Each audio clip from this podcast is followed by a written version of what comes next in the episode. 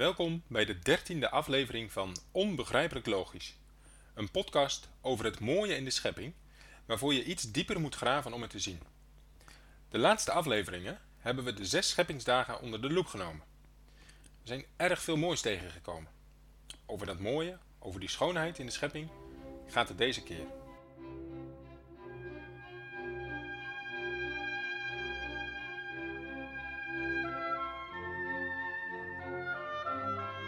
Eerst even een reactie op een vraag die een luisteraar stelde.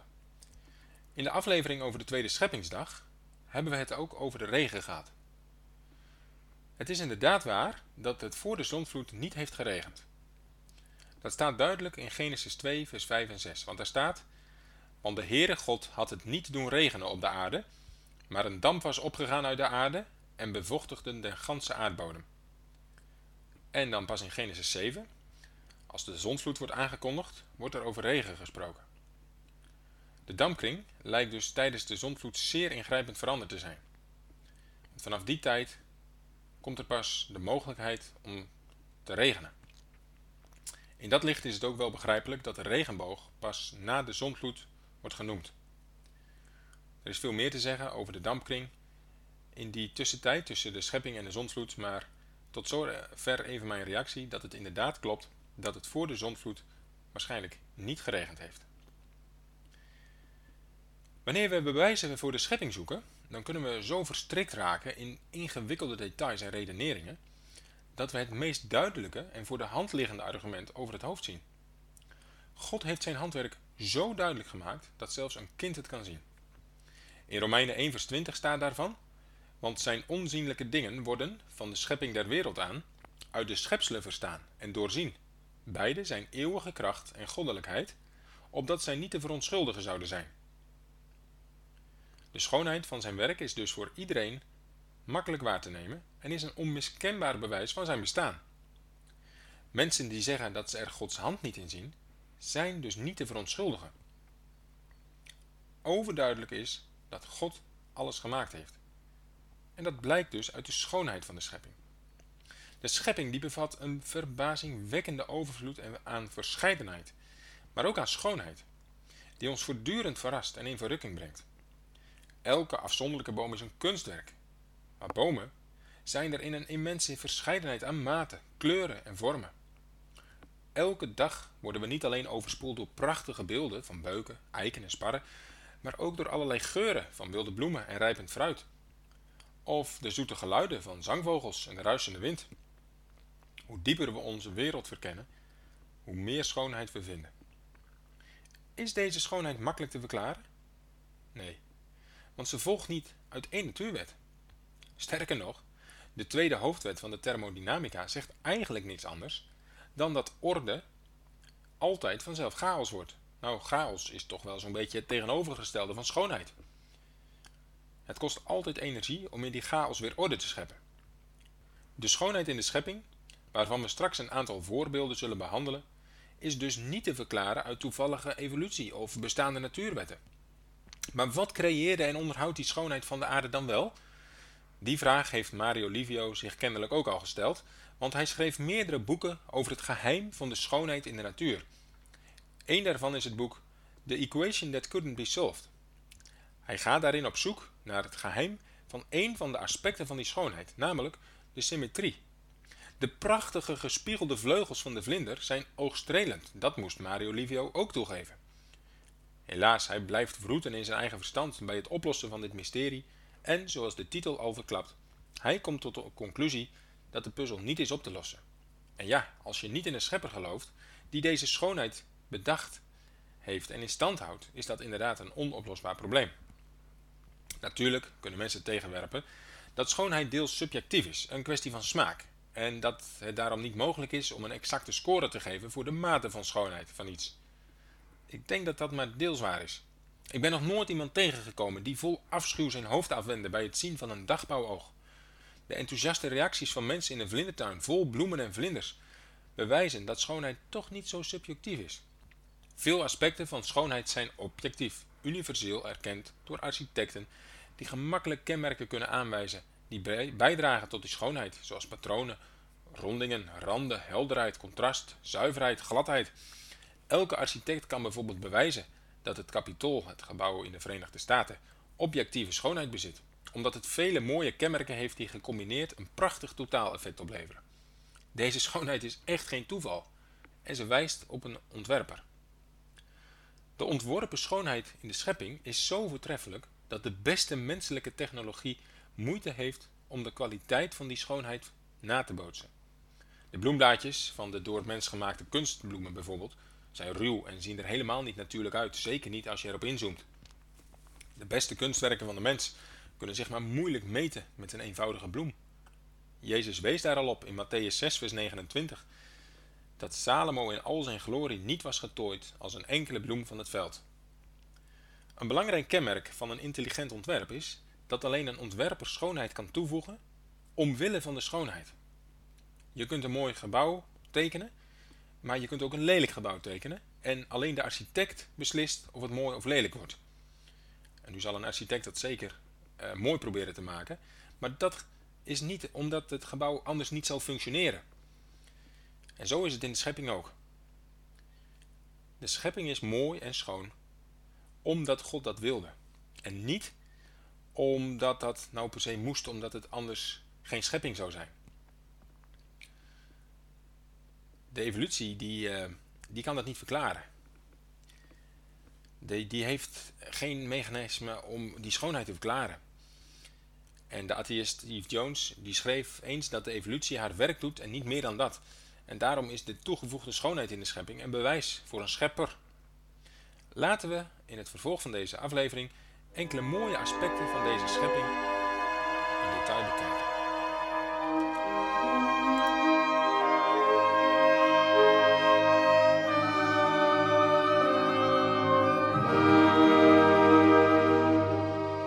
Degene die oorspronkelijk de schoonheid in de natuur schiep, heeft veel meer bereikt dan welke menselijke kunstenaar of architect ook. De schepper maakte uit niets het verf, het doek en het beeld waarmee hij werkte. Hij schiep ook de veelvoudige onderling verbonden natuurwetten die deze schoonheid in stand moeten houden.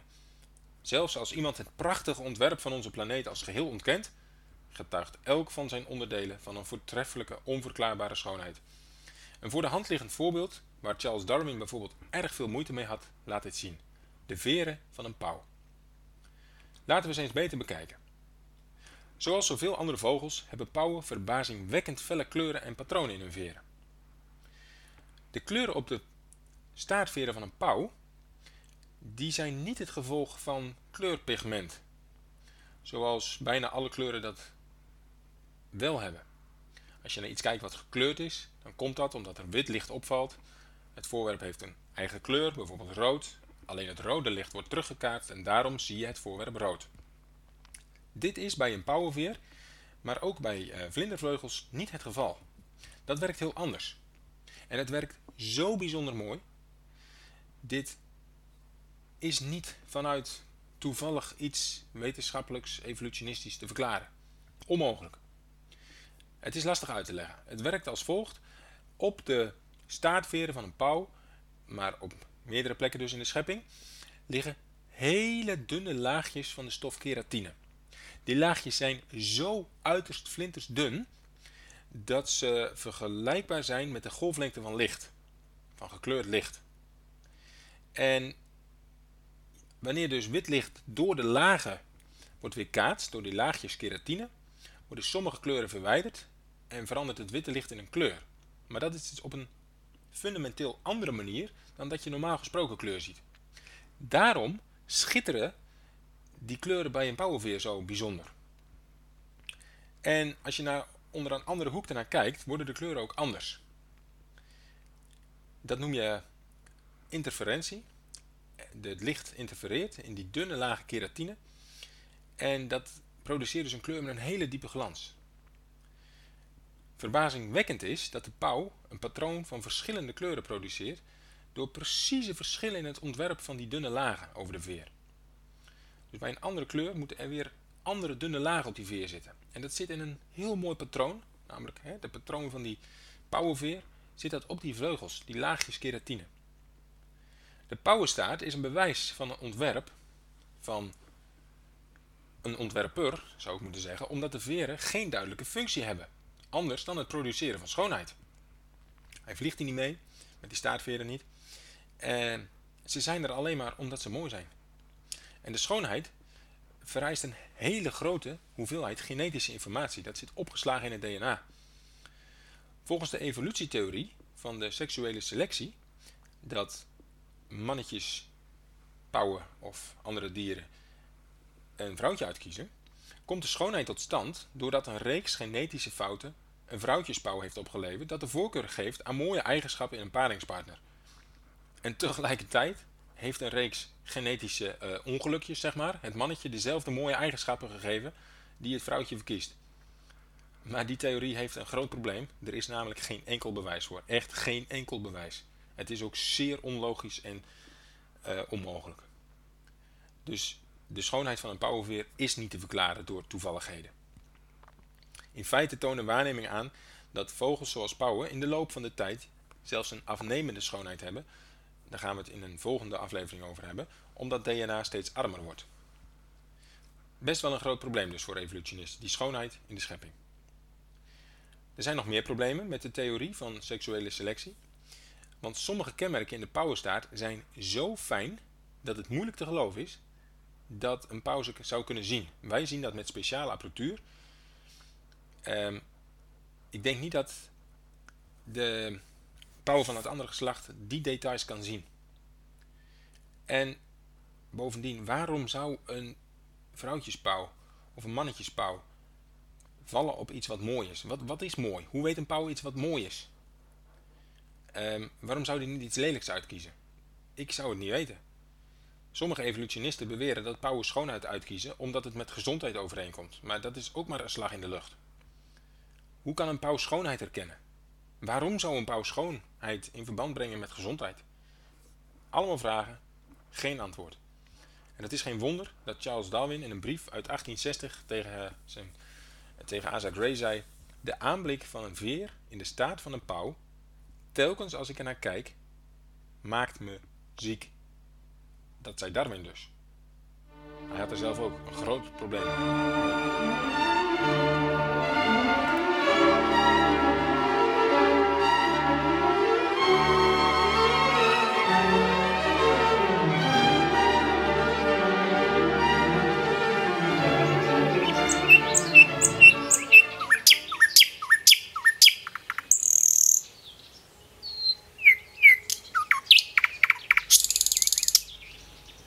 Vogelzang is een ander voorbeeld van toegevoegde schoonheid. Schoonheid houdt duidelijk veel meer in dan alleen uh, wat zichtbaar is. Zangvogels zingen geen willekeurige noten, maar uh, studie heeft aan, aangetoond dat die, die noten, de, de zang van een zangvogel, zorgvuldig opgebouwde liederen zijn met een muzikale structuur. Hè, een maatsoort, een toonsoort, een melodie. Muzikale structuur ontstaat niet bij toeval. Het componeren van een melodie met een maatsoort eh, betekent dat het selecteren van hele specifieke noten met een hele specifieke timing zorgvuldig gebeurd is. Om een melodieus deuntje te produceren zijn muzikale creativiteit en vaardigheid nodig. Sommige vogels zingen liedjes met verschillende frasen die elkaar aanvullen. sommige vogels eindigen hun liedjes zelfs met een interval dat het einde van een liedje aangeeft, zoals een grote terts of een grote kwint. Even voor de muziekliefhebbers. Menselijke componisten hebben vele jaren training nodig om muziek met zulke fijne details te combineren. Maar vogels hebben geen opleiding op de muziekschool. De enige redelijke verklaring voor de schoonheid van vogelgezang is dat het door God is geschapen. Hij rust er niet alleen uit met de fysieke onderdelen, stemband enzovoorts, om de zang te laten horen, maar ook met de vaardigheid om daarmee variaties op de zang te componeren en aan te passen. Vogelzang is een aspect van de schoonheid dat wij vaak als uh, vanzelfsprekend beschouwen. Een vogel zingt nu eenmaal toch? Maar sta eens stil bij het wonder dat God een vliegend muziekinstrument al heeft ontworpen om naar onze achtertuin te vliegen en wonderlijke muziek in onze oren te brengen. Evolutionisten beweren dat vogels prachtig zingen om een territorium te beschermen en dat mooie liederen zijn geëvolueerd omdat mooie liederen angstaanjagender zijn. Maar waarom zou schoonheid angstaanjagend zijn? Eh, ik snap het niet. Volgens de evolutie vindt een merel het beangstigend als zijn buurman een melodieus deuntje zingt en dat is een voordeel voor de buurman. Maar ook zo'n dergelijke denkwijze heeft geen basis in wetenschappelijke observaties en laat zien hoe de evolutie soms speelt met bizarre theorieën om schoonheid en andere problemen te kunnen verklaren. Evolutionisten zijn gedwongen om te beweren dat dit allemaal een ongeluk is, eh, een verzinsel van onze verbeelding, die zang van vogels per ongeluk. Ik zou zeggen, luister nog eens goed. Misschien als je ochtends op je bed ligt en de zon komt op en de vogels beginnen te fluiten. Allemaal toevallig? De enige reden waarom mensen deze wereld als mooi beschouwen, zeggen evolutionisten, is dat ons mentale vermogen om schoonheid te waarderen zich binnen deze wereld heeft ontwikkeld. Nou, allemaal een beetje ingewikkelde zinnen. Ehm, laat ik je maar over ophouden. Dit is niet te verklaren. Dan alleen door te geloven dat dit, en dat kan een kind zien, door een schepper gemaakt is. Charles Darwin gaf toe dat hij zijn natuurlijke, kinderlijke waardering voor schoonheid had verloren. Hij zei, ik heb gezegd dat mijn geest in één opzicht is veranderd, gedurende de laatste 20 of 30 jaar.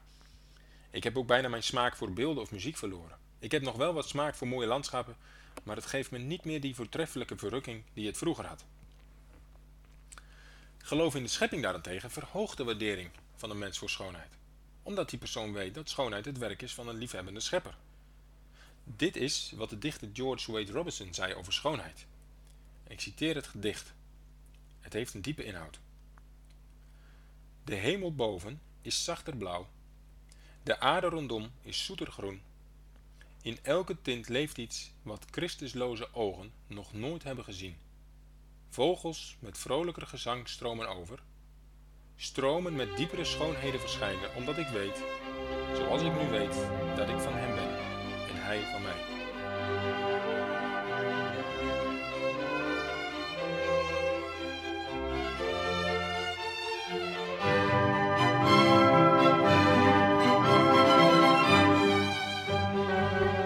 natuurlijk om de verbluffende schoonheid van bloemen niet heen. De vorm, de kleur, de geur.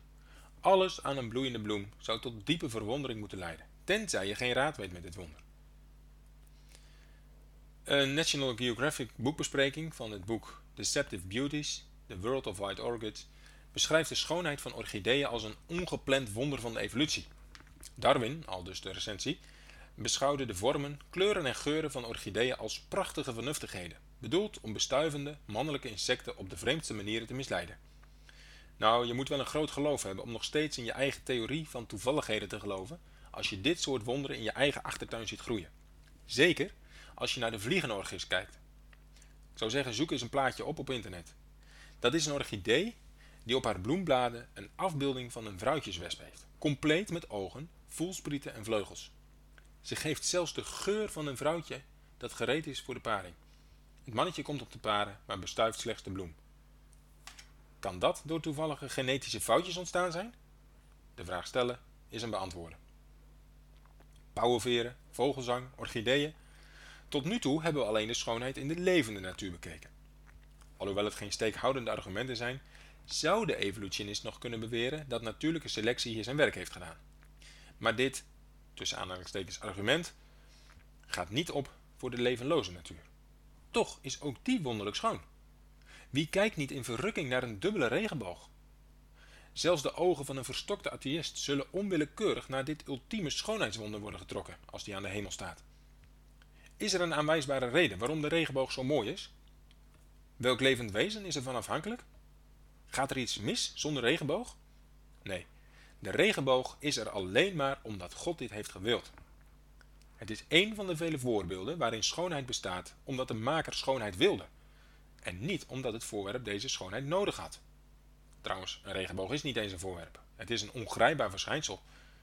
Als je naartoe wilt lopen, zal het je niet lukken. Het is een schoonheid in een schoonheid. Het verschijnsel op zich is al wonderlijk, maar bovendien geeft het een weergaloze glans aan de donkere regenlucht. God heeft deze cirkelboog in Genesis 9 als gedenkteken opgericht. Is het je wel eens opgevallen hoe het er staat in vers 14 en 15? En het zal geschieden als ik wolken over de aarde brengen, dat deze boog zal gezien worden in de wolken, dan zal ik gedenken aan mijn verbond, het welk is tussen mij en tussen u. De regenboog is er dus niet in de eerste plaats om ons te herinneren aan Gods belofte, maar als de regenboog aan de hemel staat, denkt God zelf aan zijn eigen belofte. Geeft dat geen extra dimensie aan de schoonheid van deze kleurenband? Over de regenboog is heel veel te zeggen. Het zou een aflevering apart kunnen zijn, maar ik noem een paar dingen. Je kent waarschijnlijk wel de dubbele regenboog. Dan staat er boven de regenboog nog een boog. De kleuren in deze boog zijn in omgekeerde volgorde. De onderste boog heeft de kleuren rood, oranje, geel, groen, blauw en violet, maar de tweede boog begint bij violet en eindigt bij rood. Deze tweede boog ontstaat, als het zonlicht achter je geen twee keer, maar vier keer in een regendruppel weerkaatst. Tussen deze twee bogen is de lucht altijd een stuk donkerder dan onder de eerste en boven de tweede boog. Dit donkere gebied wordt ook wel de band van Alexander genoemd. En als de regenboog boven een wateroppervlak staat, kun je zelfs vier bogen in de lucht waarnemen.